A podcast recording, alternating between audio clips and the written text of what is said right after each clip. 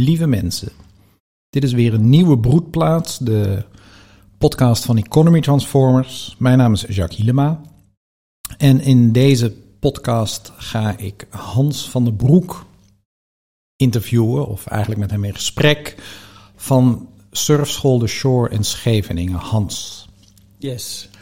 Ja, uh, onze podcasts, waar gaan die ook alweer over? Ja, wij, wij interviewen, we gaan in gesprek met ondernemers die op een andere manier met grond, arbeid en kapitaal omgaan.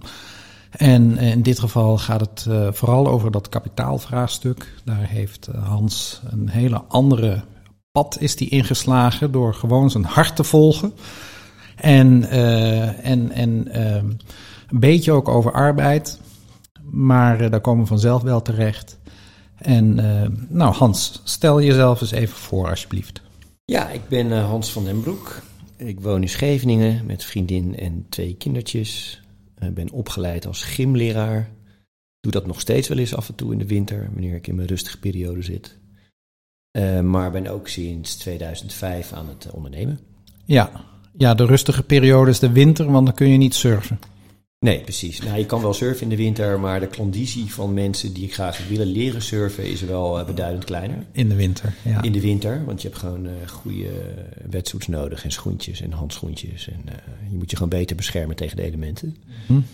Dus dat doen we zelf wel in de winter. Maar ja, het aantal mensen wat je dan les kunt geven is, is klein. En dat weegt dan ook niet op tegen de kosten die je moet maken om in de winter wel open te blijven. Ja, ik snap het.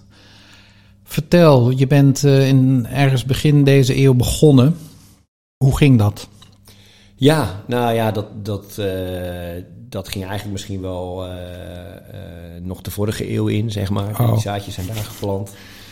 Ik ben ooit in aanraking gekomen via het skateboarden met surfen. Hm. En dat was echt een soort aha-erlevenis voor mij. Toen dacht ik, oké, okay, uh, dit grijpt mij zo. Dit is eigenlijk wel wat ik in ieder geval de nabije toekomst uh, zoveel mogelijk wil gaan doen. Mm -hmm. Dus ik haalde opeens veel betere cijfers op mijn, op mijn HAVO. En uh, is het me toch gelukt om in vijf jaar daarmee klaar te zijn, zodat ik zo snel mogelijk naar de kust kon verhuizen. Dus dat heb ik gedaan op mijn 17e, op mijn 18e in Scheveningen komen wonen en daar gaan studeren aan de Haagse Academie voor Lichamelijke Opvoeding. Oké, okay, dus, dus je werd echt gemotiveerd door het surfen om ook je school goed af te maken en dan naar de, naar de gymleraaropleiding te kunnen. Ja, absoluut. Ja, nou, ik, was, ik, was, ja, ik werd gemotiveerd door surfen. Uh, welke opleiding, dat interesseerde me niet zo heel erg veel. Mm -hmm. Dus ik had me ook voor de IB-groep, heette dat toen nog, uh, moest je een lijstje invullen met uh, drie keuzes. En die waren allemaal in Den Haag. Oh ja. Maar wel heel erg uit, uiteenliggend. Um, uiteindelijk zag ik voor mezelf wel de grootste kansen in sport. Ook omdat me dat misschien voor mijn hobby wel de meeste kans gebood. Oké. Okay. Um, dus toen ben ik naar de Halo gegaan. Ja, dus, dus surfen zit er al heel, heel lang in. Maar uh, ook les te geven in surfen. Een leraar surfen te worden. Hoe lang was dat er dan al? Nou, dat kwam eigenlijk... Uh, mijn eerste jaar Halo ging ik op vakantie met wat toen nog mijn... Uh, twee vrienden waren. Inmiddels zijn dat mijn stiefbroertjes, maar dat is weer een heel ander verhaal. Ik wil ook weer een podcast met willen. Oh ja, maar weer een andere podcast. In een, in ja. een andere setting. Maar uh, hadden wij een reisje geboekt naar uh, Mimizan, Frans dorpje aan de Atlantische kust.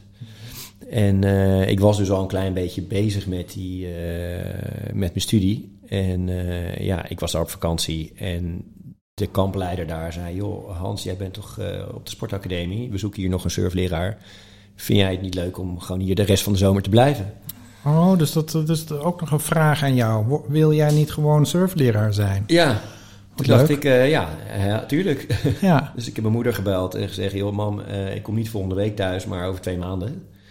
Uh, stuur nog even wat onderbroeken. En ik ben daar gebleven. Ja, en, en hoe oud was je toen? Mm, 18, net. Oh ja, dus je was 17. gewoon... je was een een, een jong broekie. Ja, zeker. Ja, volgens mij was het 1996, 1997. Oké. Okay. Dus uh, ja, daar ging natuurlijk de deuren van paradijs gingen voor me open. Ik kon Mhm. gewoon elke dag surfen en elke avond uh, de discotheek uh, sluiten en dan s ochtends weer surfen en daar ook andere mensen bij helpen en nog geld verdienen tegelijkertijd. Ja. Dus dat heb ik eigenlijk ook door mijn hele studie heen gedaan. Dus ik kwam erachter achteraf dat ik van de vier jaar studeren ongeveer 16 maanden in totaal in Frankrijk heb doorgebracht als uh, surfleraar. Mm -hmm. um, Dus dat was wel een significant deel van die studie. Ja, en toen was je afgestudeerd, toen werd je gymleraar hier in Den Haag ook, begrepen. Nee, toen belde oh. mijn oude middelbare school uit Amersfoort. Oh, uit Amersfoort, ja. Die zeiden, joh, wij, uh, er komt bij ons een gaatje. Wil jij dat opvullen? En uh, ik zei, nou, ik ben nog niet helemaal klaar met mijn studie. Ik moest nog uh, één of twee vakken doen. Dus ik had twee maanden vertraging. En mijn toenmalige, voormalig gymleraar, maar toekomstige collega, die heeft toen de directeur van school gebeld. Die zegt, joh, wij willen Hans graag in dienst nemen. Zorg even dat hij zo snel mogelijk zijn diploma haalt. Zet er een beetje vaart achter, dan kunnen we hem ook gewoon normaal betalen. En, ah, wat goed. Toen was ik ook binnen een paar weken afgestudeerd. Ja. En toen ging ik uh, heen en weer rijden tussen Scheveningen. En, uh, Want je woonde wel hier? Ja, zeker. Ik ging ook zeker niet ergens anders wonen. Nee. nee. Ja, we zitten hier nu met, de, met de, alle apparatuur in Scheveningen, voor alle duidelijkheid. Ja. Ja, ja en, en, uh, wanneer ben je dan begonnen met de surfschool zelf? Ik ben begonnen met surflesgeven dus in Frankrijk. Toen kwam ik terug naar Nederland. Ben ik voor de klas gestaan als mm -hmm. docent LO. Uh, eerst bij die oude middelbare school. Toen leerde ik een meisje kennen. Uh, die zei, uh, nou, het is eigenlijk best gezellig. Maar ik ga over twee maanden naar Hawaii voor een winter. Om mm. stage te lopen voor mijn opleiding IPO. Industrieel ontwerp. Toen dacht ik, oh ja, oké. Okay. Dus ik ga hier heel de winter in de kou gymles geven. En jij gaat lekker naar Hawaii. Nou, ja, en daar kan je ook heel goed surfen. Daar kan je heel goed surfen. Ja. Dus ik heb toen mijn baan opgezegd en ben met haar meegegaan. Oké. Okay. En toen kwamen we terug en toen uh, ging ik eigenlijk meteen aan de slag bij een van de surfscholen die hier al gevestigd was. Of dat was op dat moment de enige surfschool in Scheveningen. Mm -hmm. En uh, nou, daar kwamen ook veel middelbare scholen voorbij daar. En een van die middelbare scholen die uh, hadden weer een vervangingsdocent loon nodig. Dus toen ben ik daar voor de klas gaan staan. En dat is uiteindelijk de school waar ik ook nog tot 2008 gewerkt heb hier in Den Haag. Ja, maar je zegt dat je in de winter ook nog wel eens les geeft. Is dat dat is weer een andere school. Ja, dat zijn verschillende scholen. Oh, ja, er, er is op dit moment best wel veel druk in het onderwijs. Ja. Um, en, um, en ook de regelgeving uh, voor vaders die net vader worden is een beetje veranderd. Hmm. En dat is voor die mensen zelf natuurlijk heel erg prettig dat je gewoon vijf weken thuis kan blijven als je vrouw en kind krijgt. Uh, maar voor de schooldirecties is dat wel lastig organiseren. Handen in hun haar. Dus uh, meestal begint rond uh, september, oktober de telefoon al te rinkelen. En ontstaan er slotjes waar ze me graag op inzetten. Oké. Okay. Dus ja, je hebt altijd een, een, vangnet. Je kan als leraar overal aan de slag. Maar ja, het gaat dat, nu om het surfen. Nee, maar dat is ook grappig dat je dat zegt. Want dat is precies wat ik dacht toen ik begon met ondernemen. Oké. Okay. Uh, van joh, ik ben nu nog leraar, ik, dit is geregeld en ik kan dit voorzichtig gaan verkennen. En toen ik in 2008 de beslissing maakte om het onderwijs uit te gaan, mm -hmm. was dat mijn gedachte. Van joh, niet, ik vind het onderwijs vreselijk, dit wil ik nooit meer doen. Maar eigenlijk, ik vind onderwijs heerlijk, mm -hmm. uh, maar wel een beetje saai. En ik ga nu verkennen of uh, ja, ik eigenlijk de beste aspecten van wat ik hier uit onderwijs haal kan combineren met gewoon vrijheid en ja vooral zelf kunnen bepalen wanneer ik ga surfen. Ja, want voor alle duidelijkheid, de uh, school voor surfen, de surfschool, de Shore, dat is een vrije school. Ja, ja zeker. Net zoals dat onze Economy Transformers, onze school voor samenlevingskunst, ook een echt een helemaal onafhankelijke school is. Waar we zelf onze leerdoelen stellen. Ja, zelf absoluut. de middelen bij elkaar zoeken om die doelen te kunnen bereiken. En dat we ook een weg kunnen gaan met de deelnemers, met de leerlingen. Dat is wat mij betreft wat een school uitmaakt. Maar dat geldt natuurlijk ook voor een surfschool. Ja, absoluut. Wij worden zelf heel gelukkig van wat we doen. En we willen andere mensen daar natuurlijk graag in meenemen. Ja. En dat, dat werkt ook echt op die manier. Ja. ja. En uh, ja, dus eerst zat je bij een andere surfschool hier in Scheveningen. Ja. En toen? Nou, toen uh, ging er een andere surfschool... Uh, die zat bij een strandpaviljoen onder en die ging weer naar een ander strandpaviljoen. Dat was een beetje boompje verwisselen. En toen uh, vroeg iemand die uh, bij een surfwinkel werkte uh, van... joh, ik ga een surfwinkel voor mezelf beginnen. Ik wil daar graag een surfschool aan gekoppeld hebben. Wil jij daar invulling aan geven? Ja, dus en, eigenlijk ben je iedere keer gevraagd tot nu toe zo'n beetje. Ja, ja. ja, ik beschik over vrij weinig initiatief. Oh. Nee hoor. ja. Nee, maar dat, dat komt elke keer wel op je pad. Ja, ja zeker. En uh, toen dacht ik, nou ja, zeker, La, laat ik dat eens proberen. En, en hoe zag dat eruit daar in de begintijd? Nou, dat was letterlijk een hutje van twee bij twee. Dat was een voormalig hemelbed uh, op het strand met een uh, rieten dakje. Die uh, ik samen met twee andere mensen die al bij dat strandpaviljoen werkten, heb verbouwd tot de surfschool. Mm -hmm. Dus plankjes er tegenaan getimmerd en een klapluikje en een deurtje. En daar konden dan precies acht boards rechtop en tien wetsuits. En zo zijn we gewoon begonnen. Ja, dus je zat, je zat in, de, in, de, in de bedding van een, van een strandhut, van een horecabedrijf. Ja. En, uh, en, je had dan, en er was net zo'n soort frietkraam. Je kon, je kon daar een surfles kopen. Ja, ja, die gedachte van die ondernemer van dat strandpaviljoen was natuurlijk wel heel slim. Die denkt, ja, ik draai vooral omzet als de zon schijnt. Ja. Maar ik wil dat hier ook interessant is, uh, uh, onafhankelijk van het weer. En surf is daar natuurlijk een heel goed, heel goed middel voor. Hm. Plus dat je dan bijvoorbeeld als je bedrijfsuitjes, arrangementen verkoopt, ook meteen deze dienst erbij kan verkopen. Dus het wat actiever wordt en zo. Ja. Dus die gedachte die was heel, heel helder van hem en ik gaf daar graag invulling aan. En dat, nou, dat groeide ook organisch. Mm uh, totdat het op een gegeven moment de gemeenteraad zei van ja, dit, die strandpaviljoens met onderhuur, daar willen we eigenlijk een beetje vanaf. We willen dat dat weer strandpaviljoens worden. Uh, dus toen werden we van de een op de andere moment letterlijk op straat gezet. Oké, okay, het mocht gewoon niet het meer. Mocht niet van meer. buitenaf ja. werd gezegd, het mag niet meer. Het mag niet meer. En dat was even schrikken. Hm? Uh, ook vooral de realisatie dat je dus blijkbaar niet zo autonoom bent als ondernemer dan uh, als dat je zelf denkt. Ja, je moet aan allerlei vergunningen en allerlei voorwaarden voldoen. Ja, maar goed, ondertussen hadden we ook best wel een klantenkring om ons heen gebouwd en waren we er zelf heel gelukkig van. Dus uh, ja, dan ga je ook echt ondernemen. Dan ga je kijken wat kunnen we dan doen. Ja. Dus we hebben een Mercedes-bus gekocht uit 1971. En uh, die heeft het vanaf Os nog net naar Den Haag gered. Toen moest hem alweer een beetje op kalevateren. En dat werd uiteindelijk onze. Dus daar is gewoon de hele inventaris in gegaan. Die hebben we gewoon op de parkeerplaats gezet. En van daaruit uh, gaan we het Oh ja, dus stond je niet meer op het strand, maar boven de trappen ja. op, de, op de, ja, de kade. Heet het hier de kade? De, ja, de boulevard. De boulevard heet het hier. Wij ja. dachten het gewoon, joh, als jullie ons op straat zetten, dan gaan we gewoon Letterlijk op straat. Op straat ja, ja, prima. Wat goed. En toen kon je eigenlijk gewoon verder gaan? Of moest je daar ook weer een vergunning voor hebben of zo? Nou, daar waren wat discussies over. Uh, maar we hebben natuurlijk wel een klein beetje huiswerk gedaan van tevoren. En dat, uh, dat mocht gewoon. Ja. ja. Ja, want dat is het ook, ook een kenmerk van ondernemen.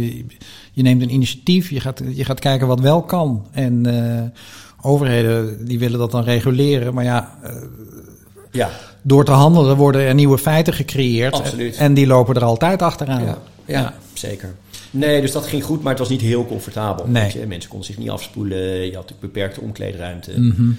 Uh, en we vonden het vooral uh, heel oneerlijk dat de gemeente één surfschool een monopolie toeschoof. Terwijl okay. die uh, markt eigenlijk heel sterk aan het groeien was. Mm -hmm. Dus toen de tijd was top golf na de meest snelst groeiende sport ter wereld. Mm -hmm.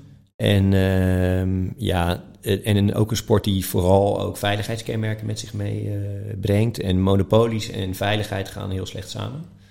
Dus uh, wij vonden dat dat gewoon uh, niet verstandig was van de gemeente om dat bij één partij in de schoot te werpen. Je zegt monopolies en veiligheid gaan niet samen. Dat, dat is een interessant. Wat, wat bedoel je daarmee?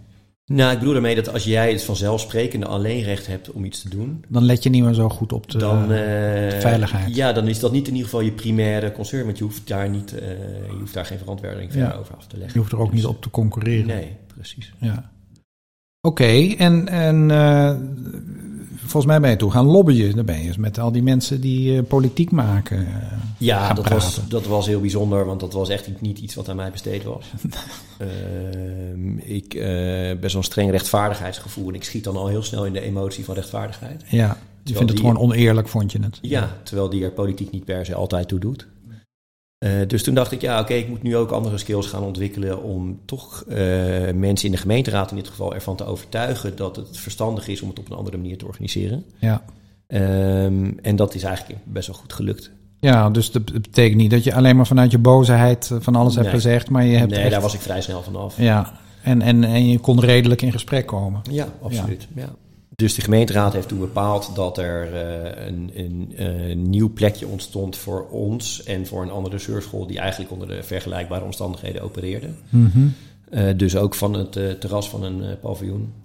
En daar is één jaar een soort van overlapje geweest. Toen hebben we bij het Strandsportstadion hebben onder gezeten. En daarna kregen we eigenlijk een eigen huurovereenkomstje met de gemeente. Oké, okay, dus, ja. dus door de gesprekken die jullie voerden, lobbyen heet dat een beetje negatieve connotatie heeft ja. dat. Maar in dit geval gesprekken om, om, om, om voor meer eerlijkheid te zorgen. En ik neem ook aan dat jij dat vanuit dat idee deed. Absoluut. Dan uh, waren er opeens drie surfscholen mogelijk op het strand hier ja. in Scheveningen. En ja. jij was daar eentje van. Daar waren wij er één van. Ja. Ja. En toen, hoe, hoe, dus, ging je toen weer bij die strandtent zitten? Met, nee, met dus je, je hemelbed? Of? Nee, nee, we kregen een eigen huurovereenkomst. En uh, ja, dan krijg je dus een stukje strand wat je mag huren van de gemeente. En uh, daar mag je invulling aan geven. Daar moet je dan een bouwvergunning voor aanvragen. Voor tijdelijke bouwwerken. En mm -hmm. uh, nou, dat was eerst één container. En dat werden er toen twee en toen vier.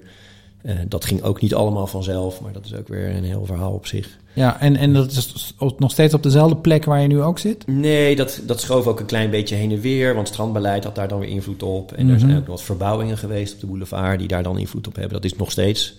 Zijn er verbouwingen en dan bepaalt eigenlijk de gemeente waar je dan moet staan met je, met je paviljoentje. Dat kan soms ongunstig uitpakken, maar soms ook wel gunstig uitpakken. Ja, oké. En uh, uh, dus 1, 2, 3, 4 containers. En, uh, en jullie waren nog steeds een surfschool, niet meer en niet minder. Niets meer en niets minder. En jullie hadden ook, hadden jullie nog wel een relatie met, met die horeca-tent? Ja, of, uh... zeker. Dat, die relatie was sowieso historisch natuurlijk zo. Mm -hmm. uh, maar ook die, die functie waarbij we elkaar heel erg aanvulden, die, die werkte ook echt heel erg goed. Ja. Dus wij verzorgden echt voor een groot deel de klandizie van dat bedrijf. En zij verzorgde ook voor een groot deel de klandizie van ons bedrijf. Ja, dus jullie maakten elkaar groter. Ja, absoluut. Ja, ja zeker.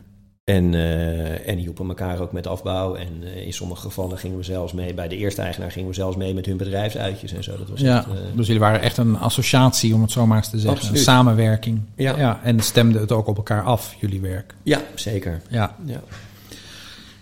En wat was de volgende stap in de ontwikkeling van Surfschool The Shore? Heten jullie trouwens toen ook al zo? Nee, toen heten we nog surfles.nl.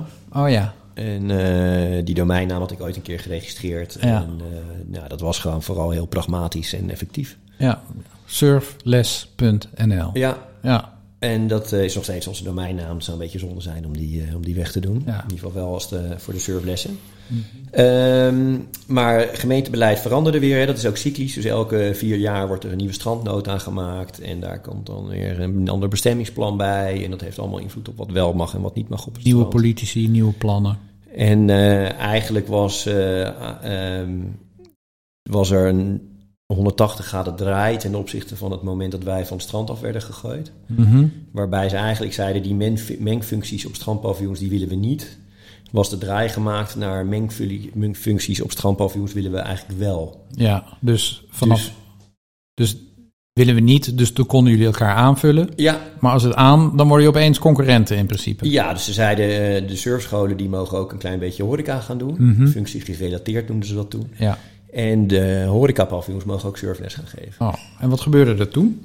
Nou, ik vond dat niet zo'n goed idee, dus ik heb daar ook tegen ingesproken in de gemeenteraad. Ik zeg, joh, die symbiose die er nu is, die is heel functioneel en die werkt prima. Ja. Um, veel mensen vinden het fijn als ze naar een winkelstraat gaan, dat ze kunnen kiezen tussen een, uh, een slager, een groenteboer en een bakker. In plaats van verschillende supermarkten. In, ja, in plaats van drie verschillende supermarkten ja. die allemaal min of meer hetzelfde aanbod hebben. Maar goed, het was een uh, wethouder die daar niet heel uh, gevoelig voor was. Dus die zei al, uh, ik, ik, had wel door dat die, die regelgeving er wel doorheen VVD, zeker? Ja. dat was inderdaad een VVD-wethouder. Oké. Okay. Ja, ja um, en ja, dus, dus toen moest je je eigenlijk gaan aanpassen. Je moest je aanpassen aan veranderende wetgeving. Ja. En uh, de vergunning werd dus iets anders, begrijp ik dan Ja, al? die vergunning was al een keer, ander, een keer eerder aangepast... omdat ze ook wilden experimenteren met jaar-rond exploitatie. Mm -hmm. Dus dat betekent dat je van een seizoensbedrijf gaat naar een bedrijf... wat het hele jaar rond mag opereren. Um, dus die uh, vergunning die hadden we eigenlijk ook al uh, in onze schoot geworpen gekregen. Hm. Maar daar maakten we niet actief gebruik van... omdat we gewoon hadden uitgerekend dat met de huidige schaal... en het huidige aanbod aan activiteiten... Uh, we in de winter gewoon geen geld konden verdienen. En dat die kosten dus ook niet opwegen tegen de opbrengsten die je dan in de zomer Die je dan eventueel ja. hebt, ja. Dus je, je, ook al had je een jaar rond vergunning, je bent gewoon een seizoensbedrijf gebleven. Ja. In zekere zin tot op de dag van vandaag. Nog steeds tot op de dag van vandaag, ja, ja. zeker. En um, ja, als je dan zo'n vergunning krijgt, dus als andere mensen besluiten om jou iets toe te bedelen, iets toe te wijzen, wat, dat, wat, wat, wat, wat voor effect heeft dat? Nou, ook, ja, dat had ik me ook nooit zo goed gerealiseerd van tevoren. Dat dat dus ook blijkbaar met waarde van uh, je onderneming te maken heeft. En de, die mogelijkheden die iemand anders jou dus geeft, mm -hmm. uh, kun je zelf direct inzetten uh, in de waarde van je bedrijf. Of zelfs converteren naar geld op het moment dat je het verkoopt. Ja. Dus uh, toen we die jaar rondvergunning uh, kregen, toen diende een vastgoedinvesteerder zich aan bijvoorbeeld. Die, mm -hmm. die zei, joh, dit is, dit is interessant. Wil jij niet je bedrijf aan mij verkopen dat ik hier een gebouw ga bouwen? En dan kan je nog steeds zelf hier je surfschool blijven runnen. Maar dan kunnen we daar ook andere ondernemers een kans in geven die dan een deel van het gebouw gaan huren. Ja. En dat god eigenlijk ook toen we die horecavergunning kregen dienden zich horeca-ondernemers aan. Die zeiden, ja, dit is eigenlijk een hele mooie locatie. En je hebt ook die jaar rondvergunning. Dus op het moment dat je ook een hapje en een drankje mag serveren... is dat misschien wel rendabel. En misschien wil je wel je bedrijf voor een deel verkopen... en dat we dat samen in op gaan trekken. Ja, dus je kwam toen voor het vraagstuk... je, je, je, je, je, je bedrijf, je initiatief werd opeens een stuk meer waard... omdat je bepaalde vergunningen kreeg. Ja. En dat werd geroken door investeerders, door andere ondernemers die op een andere manier ondernemen ook. En, uh, en, en die boden jou allerlei dingen aan. Ja, of wilden daar niet Namelijk, over in gesprek gaan. Ja, die wilden daarover in gesprek gaan. Ja, zeker. En, en, met sommige van die mensen ben ik ook wel in gesprek geweest. Ja. Weet je, dat waren niet allemaal ondernemers die heel ver van mij afstonden qua gedachtegoed. Nee. Uh, in die vastgoedsfeer wel, maar in die horeca-sfeer zeker niet. Nee. Dus dat zijn, ook, uh, dat zijn ook best vruchtbare gesprekken geweest, waar ik ook zelf heel veel van geleerd heb. Mm -hmm. Maar tijdens die gesprek had ik ook wel het gevoel van ja, als ik nu met een van deze partijen in zee ga, dan geef ik een deel van de essentie van wat ik graag wil doen met dit bedrijf weg. Ja. Uh, en verlies daar dan ook invloed op. Mm -hmm. uh, en wat je daar dan voor terugkrijgt, uh, is vooral comfort.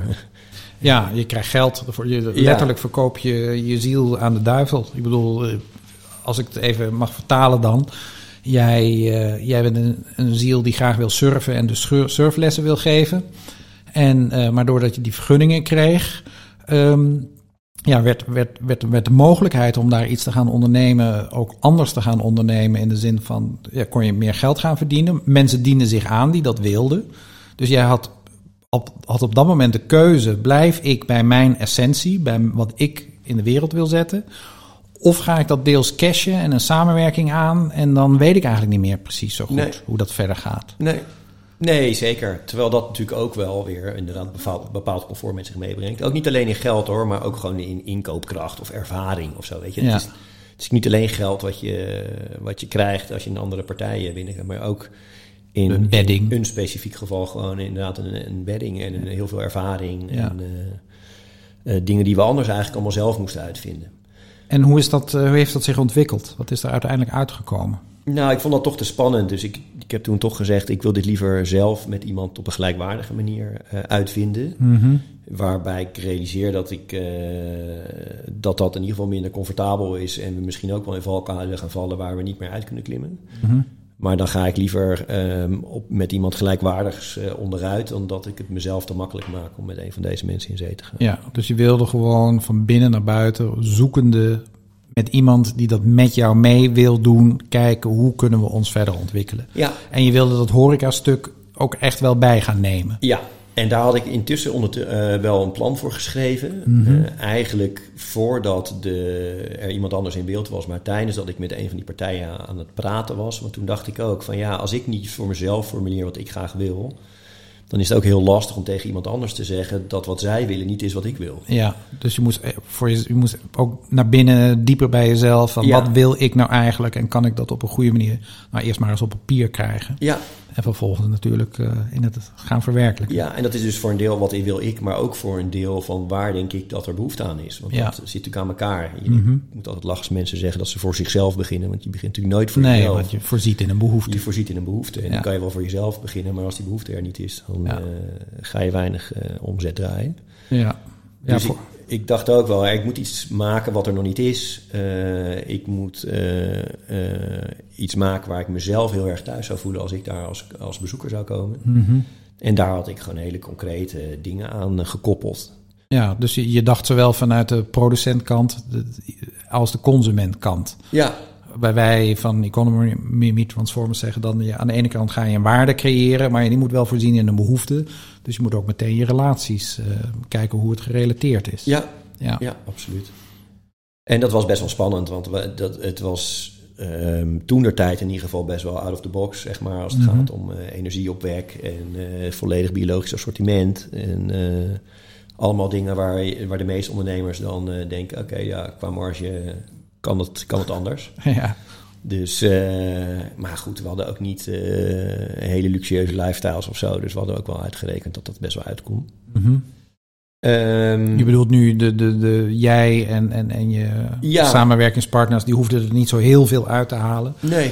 En, uh, en, en aan de andere kant is, ja, je zegt net energie. Ik, heb, ik ben wel eens bij jullie geweest en dan had je die zonneboilers op het dak. Ja. Die zorgden dan voor warmte als je wilde douchen. Ja. En, en het eten is inderdaad allemaal biologisch. Dat wil je ook zo hebben ja, en houden. Ja, dus zo min mogelijk negatieve impact op de omgeving en klimaat. Mm en ehm, nou ja, eigenlijk wat we eigenlijk gedaan hebben is, we zijn gewoon begonnen met een sustainability case in plaats van een business case. Mhm. En die elke keer teruggerekend naar de uh, business case.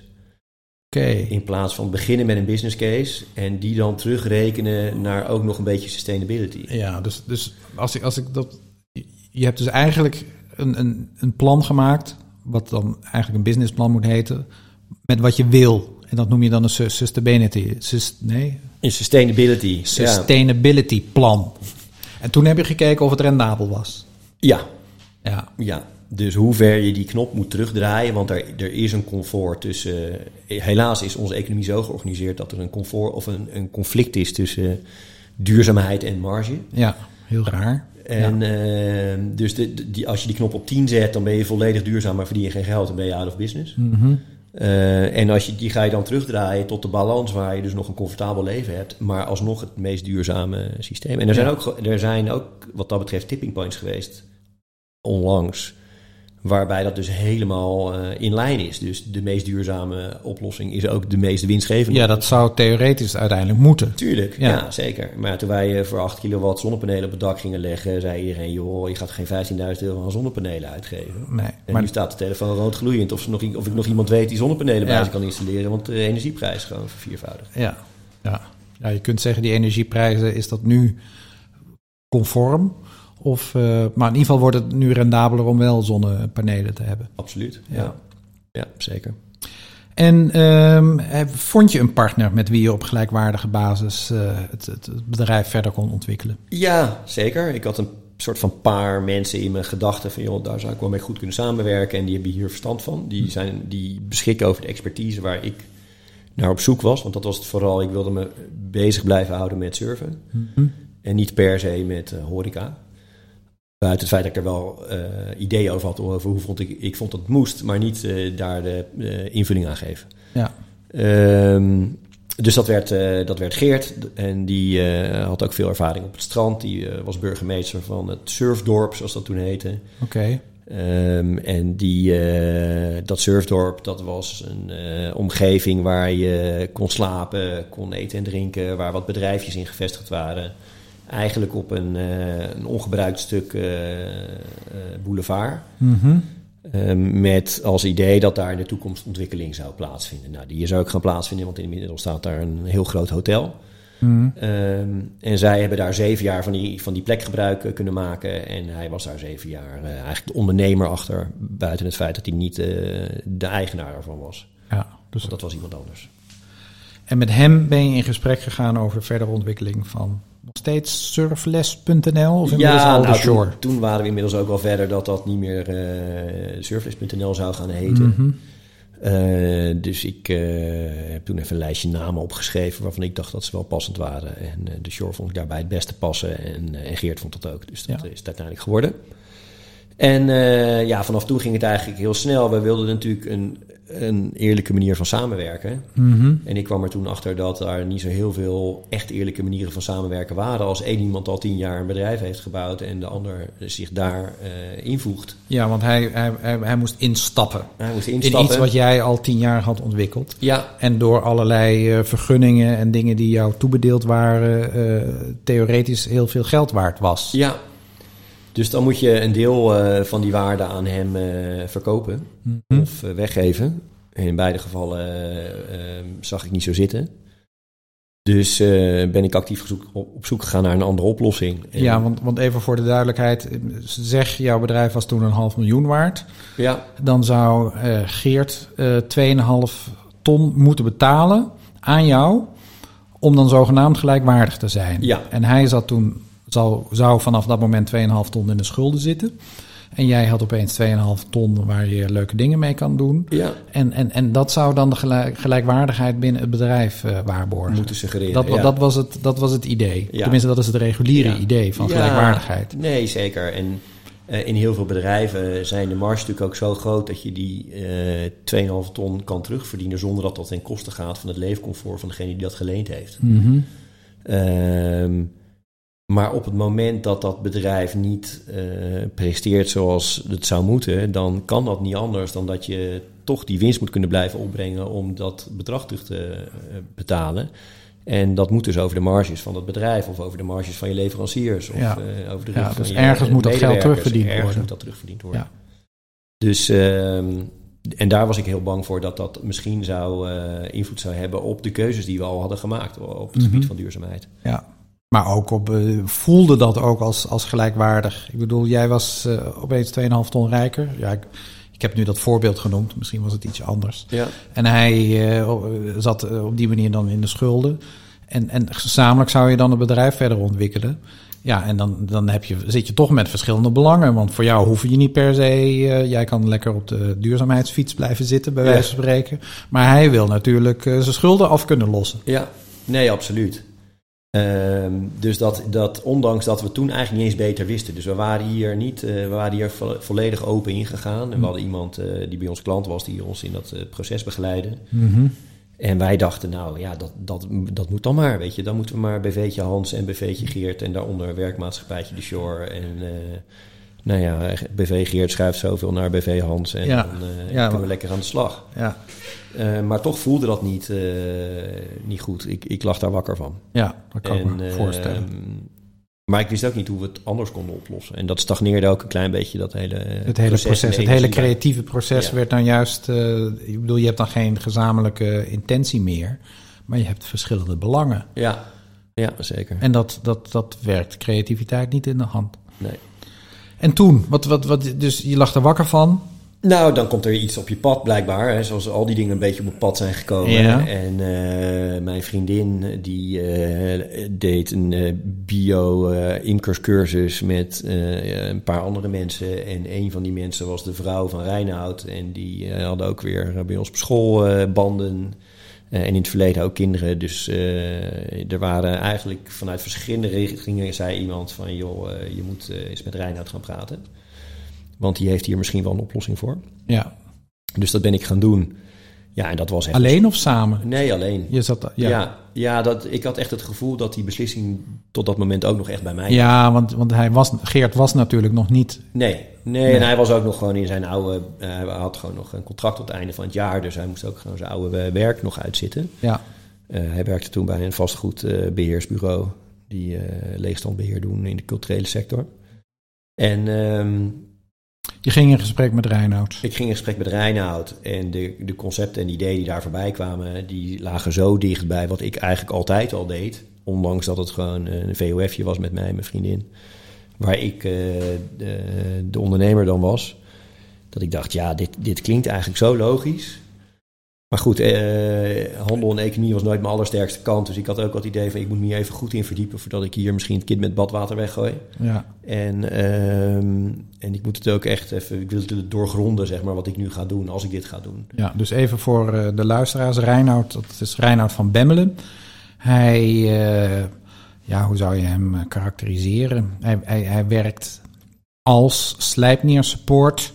Adviseert hij, begeleidt hij heel veel bedrijven om op een andere manier uh, ja, je te organiseren, op een andere manier met kapitaal om te gaan.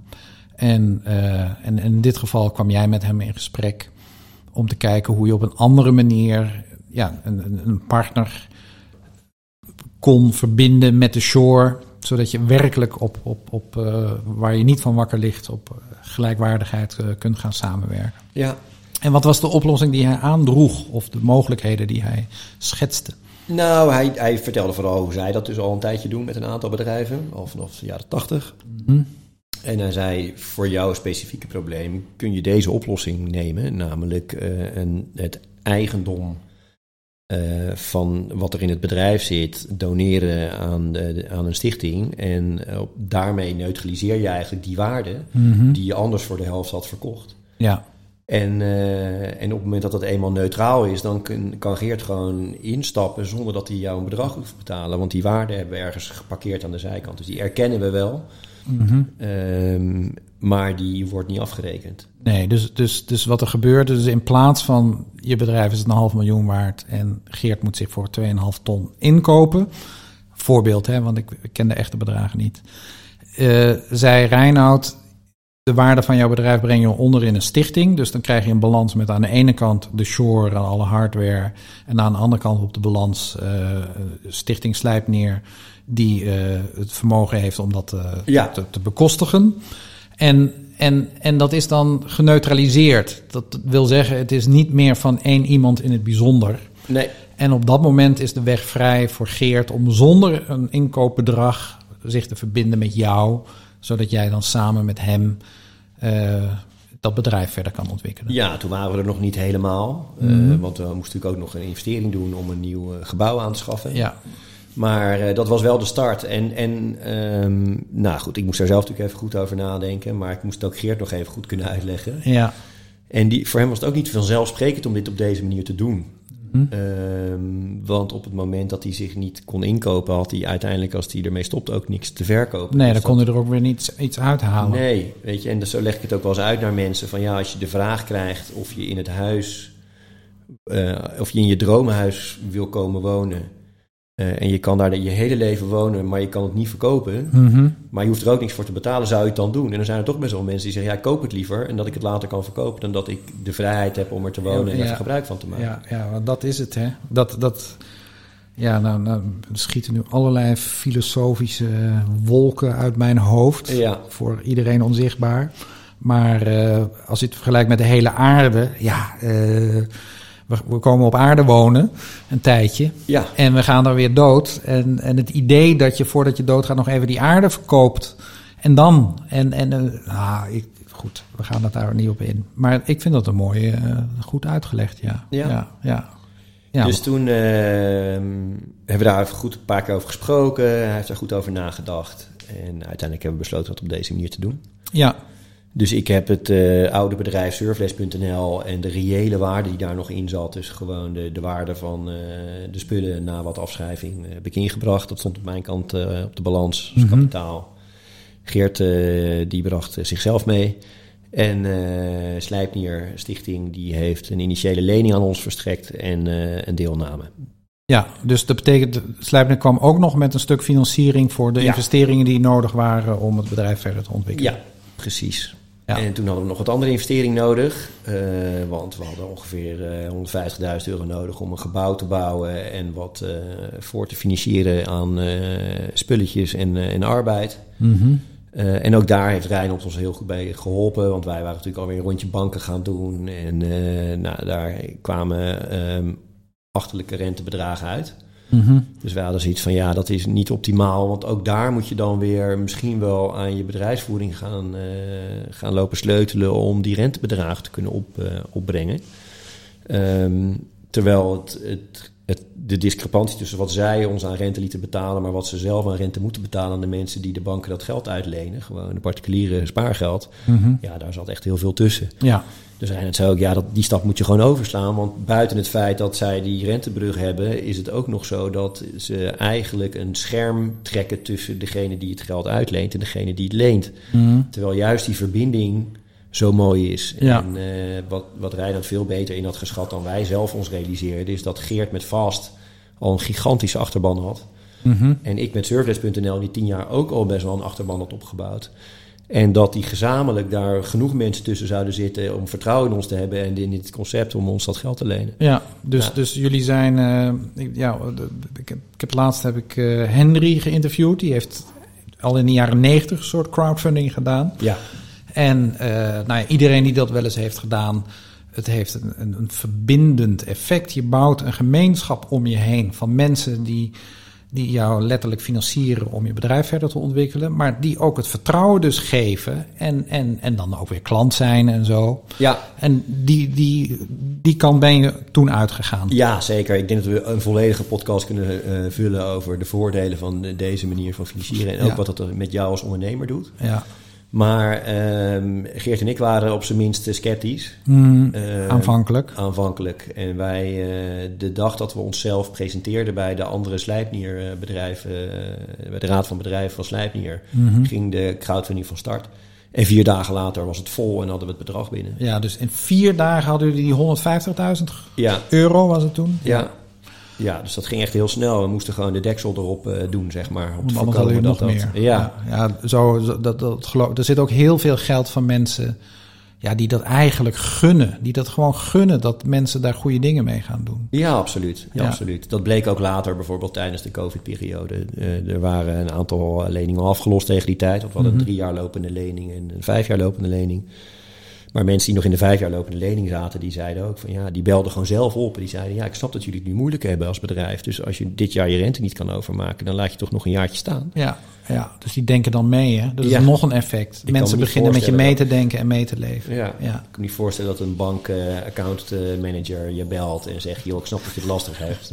Ja, dat zou eigenlijk wel moeten. Eigenlijk wel. ja. ja ja, of ja, aan de ene kant zou je zeggen, een bank zou eigenlijk zo moeten denken, meedenken en meeleven met de ondernemers en met het geld en hoe dat geschoven moet worden, zodat mensen en hun landschappen tot bloei komen. Ja. Maar anderzijds, uh, ja, je kan ook zeggen, banken zijn eigenlijk overbodig, want in principe kunnen we het in goed onderling overleg op deze manier. Ja. En dan heb je eigenlijk alleen nog maar een, bank nodig om, om, om, om, voor de bankrekeningen, waar het geld heen en weer. Uh, nou, dat is ook de enige reden waarom wij nu een bank hebben. Ja. Uh, waar we die bank voor gebruiken. Ja. Gewoon uh, zakelijk betalingen te doen. Precies. Dus, um, nou, jullie hebben flink wat stappen gezet. Geert en jij waren geheel gelijkwaardige partners. Stichting Slijpnier was dus dan eigenlijk ook een partner. Ja. Want die beheerden het kapitaal. Die zat er als kapitaalverlener Eigenlijk dat, hè. Ja, die beheren natuurlijk eigenlijk niks, want dat mogen ze ook niet voor de wet. Nee. We zijn een commanditaire vennootschap geworden, waarbij de stille vennoot, in dit geval Stichting Slijpnier is. Hm. Maar die mag zich niet bemoeien met uh, bedrijfsvoering. Dat is denk ik een van de krachtige dingen die daarin zit. Uh, en dat is ook een vraag die veel mensen hebben: van ja, gaat dan, gaat dan zo'n stichtingsbestuur zich bemoeien met jou, uh, de manier hoe jij je bedrijf Ja, met jouw bedrijfsbesluiten. en dat is absoluut niet zo. Weet nee. je? Want dan zou het toch een soort verkapt staatsbedrijf zijn met de staat die invloed heeft op de richting van het bedrijf. Dat moet het niet zijn. Dat nee. bedrijf moet gewoon, je moet als ondernemer gewoon kunnen blijven ondernemen. Ja. En, uh, en dat kunnen we volledig op deze manier. Ja, en, en voor de extra financiering, wat, wat Slijpner niet had, of dat hebben jullie gecrowdfund. Ja. ja. En, uh, en nu? Hoe ziet het er nu uit? Nou ja, inmiddels zijn we dus uh, zes jaar verder. Mm -hmm. En uh, zit het nog heel dicht bij het initiële concept wat, uh, wat er toen gevormd is. dat is dus surflessen geven, maar ook restaurantje zijn. Maar ook vooral de brug slaan tussen alle subculturen die er eigenlijk om surfen heen zitten. En die uh, als het ware verwelkomen in onze surfcultuur in alle aspecten die daarmee gemoeid zijn. Dus kunst, cultuur, muziek, uh, dat omarmen we. En we laten andere mensen daar heel graag van, uh, van meegenieten en proeven. En gaan dus ook op zoek naar andere communities om ons heen om, om te laten zien hoe mooi eigenlijk surfen is als omgeving en als sport. Betekent dat dat jullie behalve surflessen en, en een horeca-gelegenheid ook iets... Wat doen je dan met kunst en de cultuur? Ja, wij exposeren bijvoorbeeld lokale kunstenaars... die vaak iets te maken hebben, eigenlijk altijd iets te maken hebben met een van die culturen. Dus mm -hmm. uh, onze laatste exploitant was bijvoorbeeld Gillian Bolton. Die uh, zit nog op de uh, Koninklijke Academie voor Beeldende Kunst. Mm -hmm. die wordt heel erg geïnspireerd door zijn grote passie skateboarden. Nou, bij ons ligt dat heel erg dicht tegen ons aan. Ja. Dus die maakt ook kunst van hout. En uh, daar zie je, omdat hij nog jong is, ook best wel een reis. Dus echt skateboardkunst naar gewoon wat meer uh, uh, abstract werk. Wat hij met een 3D-printer maakt bijvoorbeeld. En dat mag hij dan exposeren? Ja, dat exposeert hij bij ons. In de shore? Ja. En wat voor andere dingen organiseren jullie nog meer? Ja, we hebben ook gewoon muziekavonden. Oh ja. Bandjes, maar ook DJ's. Een podium, hebben jullie echt een podium? Nou, die hebben we niet uh, fysiek altijd aanwezig, maar dat creëren we wel op zo'n moment. Ja, en dan is er een feest gewoon. Ja. Tent. In de Ja. tent? Letterlijk in een tent of in de open lucht? Nee, letterlijk in de tent en in sommige gevallen ook open lucht. Ja. Dus eh Scheveningen Surf Festival, daar hebben we een groot podium op het strand staan. En eh, hebben we een marktje bijvoorbeeld overdag, waarbij lokale eh, crafters dingen kunnen verkopen of laten zien. Maar waarbij we ook wat milieuorganisaties bijvoorbeeld een podium geven om hun eh, boodschap te verkondigen aan alle bezoekers. Ja, en eh, dat organiseren jullie zo af en toe. En is dat dan eh, op projectbasis? Of hebben jullie ook iemand die dat als, als, als partner in het bedrijf doet? Ja, nee, dat is vooral Geert die dat doet. In Oh, ja. samenwerking met Thomas, die kwam er in 2018 bij. Mhm. Eh, maar dat verhaal hebben we denk ik al een keer eerder verteld, dus daar hoef ik misschien niet verder op in te gaan. Maar ehm, iedereen heeft daar wel zijn rol in. Dus Geert Ja. is gewoon heel sterk in evenementen organiseren. Oh ja.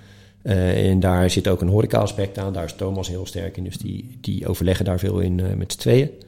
Ehm, en ik, doe dan, ik faciliteer dan een surfwedstrijd die we bijvoorbeeld organiseren tijdens zo'n Scheveningen Surffestival. Ja. En, maar jullie zijn tot nu toe een seizoensbedrijf. Dus vanaf ergens in oktober tot en met ergens in maart ligt het helemaal stil. ja, 1 november zijn wij het strand af, letterlijk. Dus dan takelen we alles weer op. Mhm. Ja. En dan eh 1 maart mogen we, mogen we weer op het strand, dus dan staat het allemaal in de opslag. Ja. Ja. En, ehm, ja, en, en wat doen Geert en, en Thomas en eh, Hans dan? Ja, nou Geert die eh, kwam er in 2018 eigenlijk al achter dat hij eh, dat niet alle dingen die hij deed bij de shore helemaal in zijn eh, straatje pasten, zeg maar. Dat hij daar gelukkig van werd. Dat het Zo bij zijn wezen behoorde, om het zo maar eens te zeggen. Hij was er wel goed in, maar hij werd er niet per se heel gelukkig van. Ja, Dus hij heeft gezegd, ik ga ook een deel eh, eh, bij een ander bedrijf werken waar ik, die, eh, waar ik goed in ben en heel goed kan ontplooien. ja, Dus dat doet hij nog steeds, maar hij is ook gewoon heel belangrijk voor wat we bij de shore doen. Dus die is gewoon één dag in de week aangehaakt gebleven. En, eh, ehm, en Thomas is fulltime aangehaakt en ik ben fulltime aangehaakt. ja. Maar nu, ja, jij gaat, heb ik begrepen, weer leraar zijn om, om de leraartekort een beetje eh, te dempen. Ja, nou ja, dat speelt mee, dat lerarentekort, maar is niet initieel waarom ik het doe. Weet Nee. je, ik doe het om vrienden uit de brand te helpen en Ja. om aan mijn eigen onderwijsfixen tegemoet te komen. Ja. Maar dat is echt het enige. Dus eh, En, en Thomas? Thomas, die heeft net een kind gekregen. Oh, die is gewoon even vaderschapsverlof. Ja, die Nou, heeft lekker goed. vier maanden vaderschapsverlof. Ja. Dus die gaat vooral daar heel erg van genieten. Maar er moet ook nog best wel wat eh, reparatiewerk gedaan worden aan het gebouw. Die heeft nu drie eh, jaar achter elkaar op het strand gestaan, want we het mochten laten staan Mhm. eh, voor COVID, COVID-maatregelen. Dus eh, ja, daar moeten gewoon wat dingetjes gebeuren. En eh, daar gaat ook nog best wel wat tijd in zitten. Ja, Dus want we zitten want- niet stil. Want waar staan jullie? Wat, jullie willen een seizoensbedrijf blijven? Of zijn er ook ideeën om toch het hele jaar rond eh, iets te gaan doen? Nou, die ideeën spelen wel. Kijk, we hebben die vergunning, maar we hebben eigenlijk altijd gezegd... die, die, die kunnen we niet inzetten, want dan, dan kost dat geld in de winter. Hm? Tegelijkertijd merken we dat onze bezoekers het echt jammer vinden... als wij van de zo na de zomer het strand weer afgaan. Hm. En we merken dat we die, die cultuurverbinder die we zijn... tussen de surfcultuur en de culturen die daar omheen liggen... eh, dat dat iets is waar je juist in de winter heel veel invulling aan kan geven. Ja. Weet je, we hebben wel eens muzieklessen gegeven, bijvoorbeeld bij de Shore. Dat was onwijs leuk voor Mm. de mensen die les hadden. Ja, Maar niet per se voor de mensen die daar omheen een drankje aan het doen waren. ja, Eh, want die hoorden gewoon tien jengelende gitaren bijvoorbeeld. Die eh, Ja. niet, niet heel goed samen gingen. Ehm, maar ook bijvoorbeeld debat en discussie is iets wat, wat, weet je, omdat we natuurlijk bepaalde statements maken. En dat is soms ook best politiek. Mhm. Willen we daar heel graag eh, gesprek in opzoeken. Maar daarmee leg je eigenlijk de ruimte die we nu hebben volledig plat. Hmm. Ehm, en moet je dus keuzes maken, of-of. Want en-en kan niet. Hoe, hoe bedoel je dat nou? De ruimte. Dus als je De- bijvoorbeeld. De fysieke ruimte die we hebben. Dus Ja. als wij een debatavond organiseren, bijvoorbeeld over of biologisch eten de toekomst is, Ja. eh, in het huidige biodiversiteitsdebat. Ja, ik denk dat we daar volle zaak mee zouden krijgen. Maar als je gewend bent op dinsdagavond bij ons een biertje te doen met je vrienden, en dat kan niet op die avond, omdat het dan een debat. oh, op die manier plat. Ja. Ja, dan ben je niet, eh, dan voel je je misschien niet welkom zoals je ze anders welkom zou hebben. ja. Nou ja, op zich. eh, ik wil best wel eh, met mijn apparatuur en, en, en drang ook om dingen over het voetlicht te brengen, wel eens eh, tafels organiseren. Lijkt me leuk.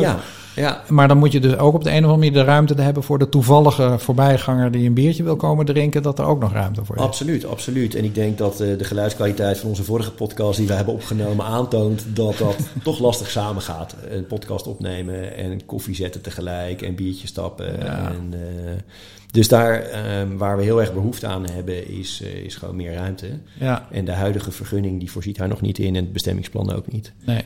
Dus, dus, daar wordt nu in, uh, goed, dat, dat ligt weer open, zeg maar. Daar, daar komt inspraak op. En misschien dat dat in de toekomst uh, iets met zich meebrengt waar wij wat mee kunnen. Ja. Dus dat zijn we actief aan het onderzoeken. Ja, of je zou, uh, goed, maar dat is voor na de podcast. Ja. Er komen weer allerlei ideetjes. Ja, ja daar ben je ondernemer voor. dus en, um, maar ik heb ook begrepen dat jullie iets met een mensen dat ze, dat niet één dag uh, les, maar een hele week bijvoorbeeld. En dan moeten ze kunnen slapen en ja. dat soort dingen. Dat nou, jullie daar mensen, ook wel uh, ideeën over hebben. Mensen komen wel eens een hele week bij ons surfen vanuit Mhm. het buitenland. Ja. En dan uh, in het verleden vonden wij vrij makkelijk accommodatie voor ze, omdat we meer met een paar hostels samenwerkten. Mm die hostels die zijn aan het verdwijnen. En dat vinden wij heel erg jammer, want dan blijft er alleen nog maar hele dure high-end slaapaccommodatie. Waarom verdwijnen die hostels? Nou, eentje is goedkopere omdat, slaapgelegenheden. Ja, er is er eentje die zit gewoon heel ver weg, dus dat is onhandig. Er is Ja. er eentje die, uh, die stopt in uh, over een paar jaar omdat het huurcontract niet verlengd wordt door Mm. de huurbaas. Mhm. Die wil daar liever appartementen gaan bouwen. Want meer geld. Ja, dus uh, ja, dat zijn uiteenlopende redenen, maar vooral de ontwikkelingen in de vastgoedmarkt hebben daar denk ik het meeste invloed op. Ja. Uh, waarom de, ze liever er iets verkoopbaars van maken dan iets verhuurbaars. Maar wat er overblijft is dus alleen maar hele dure slaapruimte en weinig uh, toegankelijke slaapruimte. En, um, en ook heel individueel. Dus een hotel is natuurlijk niet alleen in de prijs anders dan een hostel. Mm -hmm. Maar ook in de manier in de cultuur, hoe je met elkaar verbindt. Ja. ja. En uh, als wij uh, echt die cultuurverbinder willen zijn, dan heeft een hostel daar ook denk ik een hele goede functie in. Dus maar jullie, ja, klopt het dat jullie dan dus overwegen om, om je zou ook een tent op het strand kunnen zetten waar mensen in kunnen slapen, als dat mag. Hè? Of, uh, maar in ieder geval dus voor, de, voor dat te gaan organiseren. Ja, ja, daar zijn we actief naar op zoek. Ja, ja. Ja spannend. Dus ook houden daar onze ogen en oren voor open. En okay. uh, zitten er wel wat ijzertjes in het vet, maar die moeten zich gewoon nog allemaal... IJzers in het vuur, moet je zeggen. Oh ja. Ja, je doet altijd uh, de, de schaatsen in het vet en de ijzers in het vuur. Oh, dat is fijn. Nou, er zijn wat schaatsen in het vuur, dus uh, we zien wel dat... ja, hoe dat zich ontwikkelt. Oké. Okay. Ja. En dan dus in Scheveningen en omgeving zoeken ja. jullie naar plekken waar, waar mensen ja, een hostelachtige iets zich kan gaan ontwikkelen. Ja. Nog meer? Zijn er nog meer uh, dingen die uh, in het vuur liggen? Nou, nee, dit zijn nu even de concrete dingen. Uh, maar we sluiten ook niks uit. Weet je wel? Dus het is, het is, als je bedenkt wie we zijn en wat we willen doen, dan kan je dat natuurlijk op allerlei andere manieren ook doen. Mm -hmm. en in allerlei andere omgevingen ook doen. Maar we hebben niet uh, per se een franchise drift of zo. Die, die vraag wordt ons wel eens gesteld. Van joh, uh, zou je niet ook een de shore ergens anders willen neerzetten? Oh, en, ja. uh, het concept kopiëren. En nou, als je het over het woord concept hebt, word ik al een beetje... Al overeind staan. Want dan is het al niet meer menselijk en niet meer persoonlijk. Ja. Maar gewoon een formule, een of een methode. Mhm. En, uh, en dat mag het nooit worden of nooit zijn. Maar je kunt je wel voorstellen dat mensen elders ook een surfschool oprichten en dat je daar een samenwerking mee aangaat. Nee, dat, het zich op zijn eigen manier verder kan ontwikkelen. Ja.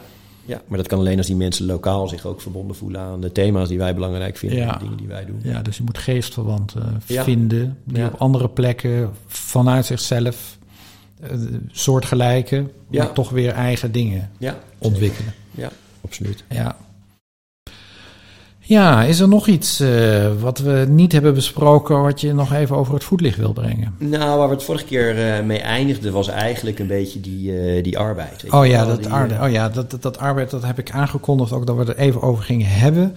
Heel, heel kort, eh, ehm, als inleiding, toen, toen de corona kwam, toen konden jullie, moesten jullie sluiten. Ja, Maar omdat jullie ook geassocieerd zijn met, met Odin, verdeelcentrum in biologische, biologische dynamische groente en fruit, konden jullie gewoon eh, bellen en eh, konden jullie met eh, alle medewerkers eh, naar het verdeelcentrum. Dus dat is het uitwisselen van arbeid, ja, het regelen. En, nou, dat vind ik gewoon een mooi voorbeeld van hoe eh, arbeid zichzelf ook eh, kan uitwisselen en toewijzen. Ja, daar is niet per se een samenwerkingsverband als Slijpnier voor nodig. Nee. Maar die lijntjes waren nu gewoon heel kort. Ja. En daar werd ook echt met wederzijds respect heel makkelijk uh, op ingezet. Ja. Dus dat was, we hadden elkaar gewoon snel gevonden. Maar theoretisch gezien kan natuurlijk iedere horecaondernemer bij een supermarktketen aankloppen en zeggen: joh, ik heb mensen over en jij hebt mensen nodig, kunnen we dit regelen. Precies. Maar dit als inleiding van dat jij ook uh, meer horizontaal wilde organiseren. Dat je niet uh, de bedrijfsleider of de weet ik veel wat wil zijn en je hebt medewerkers, maar dat je steeds meer in, ja, in, op basis van gelijkwaardigheid samen het bedrijf wil ontwikkelen. Ja, ja zeker. Ja, ik denk autoritair leiderschap heeft me nooit heel erg goed gelegen. Dus ik ga altijd heel erg uit van gewoon de intentie van mensen en, en ook initiatief. Mm maar ik merk, ik heb het gevoel, en dat, dat, dat gevoel bekroop me in het onderwijs eigenlijk al heel erg. En dat is misschien wel ook een van de redenen waarom ik het onderwijs ben uitgegaan. Is dat op het moment dat je je gegarandeerde inkomen, en daar kan je denk ik in het onderwijs zeker van spreken, want daar is het bijna onmogelijk om iemand eh, te ontslaan. Mm Ook een bepaalde uh, luiheid of, of gebrek aan initiatief bij mensen, in ieder geval op de lange termijn, uh, teweeg brengt. Mm dat, dat ervaarde ik heel erg daar. Maar dat ervaar ik soms ook wel bij de shore. Weet je wel, dat je mensen die, die gewoon toch wel weten, ik word hiervoor betaald. En het maakt eigenlijk niet uit of ik nu een tafeltje afneem of niet. Mm ja, dat, dat, daar word ik gewoon, daar ben ik heel allergisch voor. Ja. Dat gewoon, uh, dus van daaruit ontstaat dan het verlangen om, om mensen mede vennoot of mede ondernemers te maken. Ja, zeker. Want ik denk wel dat op het moment dat het ook voor jouw inkomen en voor je gevoel verschil maakt, of een tafeltje wel of niet is afgenomen, dat je dan echt anders gaat ontwikkelen in een bedrijf Ja. ook. En, en er ook gewoon andere energieën in je naar boven komen. eh, in, het, in het jezelf eh, inzetten in het Ja, bedrijf. en jezelf tot bloei brengen Ja. ook. En, en, en want hoeveel medewerkers zijn er nu? Dus je hebt Thomas, Geert en Hans. Ja, en Sebastian en sinds vorige week ook Romy. Dus wat dat betreft zijn we wel stappen aan het maken in het, in het uitbreiden aan, eh aan de vennotenkant. En eh, nou ja, dat, dat leidt automatisch ook een klein beetje tot inkrimpen aan de soort van medewerkers, eh, werknemers. Ja, want, want, want hoeveel medewerkers, werknemers zijn er verder nog? Nou, we zijn met eh 75 man overdag en eh 65 man s'avonds op het bedrijfsuitje geweest afgelopen zaterdag. Dat is wel een heleboel. En, maar dat is met partners of zonder partners? Zonder partners. Dus, dus gewoon de mensen die echt een bijdrage leveren we beginnen aan- de dag als zonder partners. Ja, In de loop van de dag eh, veranderen ook nog wel wat samenstellingen. ja, maar dat, dat, dat, dus er zijn echt ruim 60 Zeker. mensen die een bijdrage leveren aan eh, het geven van les, dan wel een bijdrage aan- in de horeca Ja. van de shore. Ja, zeker. En de meesten doen dat dus in, in, in, in loondienst of die krijgen een, eh, een loonstrookje. Ja, die zijn in loondienst of sommigen die, zijn, die werken gewoon op een aantal verschillende manieren. Weet je, die zijn creatief, dus die zijn bijvoorbeeld grafisch ontwerper en die doen een paar uurtjes bij ons surfles geven. Mhm. Oh ja. Er zijn ook mensen die zijn gewoon fulltime ergens anders in loondienst en die, die geven een paar surflesjes bij ons. Ja. Dus ja. eh, daar, daar zijn natuurlijk ook weer verschillen in, want je, kunt, je, hebt ook leerlingen en gezellen, om het zo maar eens te zeggen. Ja, En, en die, moet, die wil je natuurlijk ook de ruimte geven om zich te ontwikkelen. Nou, dat is, dat is grappig, want ik heb toevallig eh, jouw podcast eh, met eh, Sebastian daarover eh, gehoord. En dat heeft me ook wel getriggerd en daar op een andere manier over doen nadenken. Weet je, Mhm. die, dat zeker aan, eh, nou ja, eigenlijk zowel aan de surfleskant als aan de, aan de horecakant is er sprake van dat je mensen die bij je komen en die zijn aan de surfleskant al heel jong vaak, die beginnen gewoon als iemand die surflessen boekt en daarna gaan ze Zelf lessen geven. uitlenen Oh, en ja. daarna gaan ze zelf surflessen geven. Dat je die dus ook echt als gezel meeneemt Ja. en, en de kneepjes van het vak eh, leert en eh, de thema's die bij ons belangrijk zijn en de aandacht die we willen dat ze geven.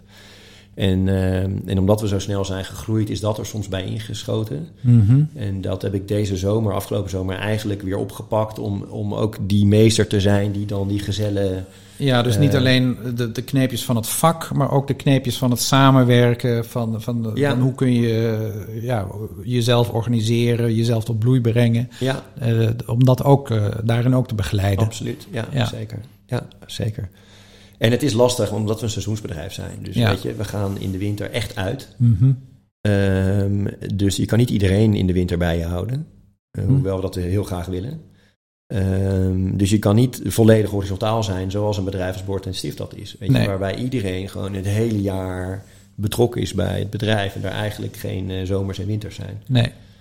Wij verliezen gewoon heel veel blad uh, in oktober. En dat groeit weer aan in... Uh, de knop blijft dan aan de takken zitten. Ja. barst dan weer open in maart. Ja, ja. Dus die, we moeten het ook echt kunnen doen van het geld dat we in de zomer verdienen. Ja, en betekent dat dat dat ook nog weer een argument is om wel iets te vinden waardoor je het hele jaar rond zou kunnen werken? Absoluut, absoluut. Weet je, dat speelt daar heel erg in mee. Ehm, ik vind niet dat het de hoofdreden is. Ik bedoel, het is niet mhm. onze verantwoordelijkheid als ondernemer om voor ons mensen met wie we werken een winterbesteding te vinden. Mm Ehm, maar de mensen die zelf initiatief tonen en daarmee ook dat kunnen vullen, zeg maar, ja, die willen we heel graag bij ons houden en daarmee ook de toekomst ingaan. Ja, want je kunt je voorstellen dat je dan dus eigenlijk eh, de Shore nog een functie geeft, namelijk een soort leerbedrijf zijn. Ja. Niet alleen een leerbedrijf in dat je de, de, de, de kneepjes van het surfen en alles wat erbij hoort, maar ook de kneepjes van überhaupt het samenwerken, van het menselijk samenwerken. Ja. Uh, nou, dat, dat is dat is grappig dat je dat zegt, want er is een vader van vier jongens die bij ons alle vier hebben gewerkt. Ja. En uh, zij zijn uh, als ouderstel uh, zelf grote mensen in het bedrijfsleven, in ieder geval -hmm. bestuursfuncties. En die heeft dat wel eens gezegd van ja, de, wat, ze bij jullie leren, die jongens, dat, is, dat staat gewoon gelijk aan school. Ja. en die jongens hebben allemaal VWO gedaan of gymnasium, weet je, daar hebben ze echt wel wat geleerd. Ja. Maar zegt hij, wat, ze bij jullie leren, dat is toch anders dan wat ze op school leren. Dat kunnen ze daar ook niet leren. Dus onderschat dat niet wat je die jongens meegeeft en de manier waarop jullie dat, uh, dat meegeven. En dat zijn we ons wel ook steeds meer gaan realiseren dat we die functie hebben. En dat dat ook de reden is waarom mensen dus na 15 jaar nog bij ons zijn. Al is het mhm. alleen voor het bedrijfsuitje. Dus er zijn mensen die geven gratis surflessen drie keer in het jaar, zodat ze met bedrijfsuitje mee kunnen. En, en dus nog kunnen tappen uit die energie die er in dat... Uit de bron. Uit de, die bron die er, uh, die er zit. Ja. Um, ja, nee, maar dat leerbedrijf. Kijk, wij als Economy Transformers komen eigenlijk in een ander gesprek. Ik wil ook afronden. Ja, ik, ik zou het heel fijn vinden als er een aantal van dat soort leerbedrijven waren.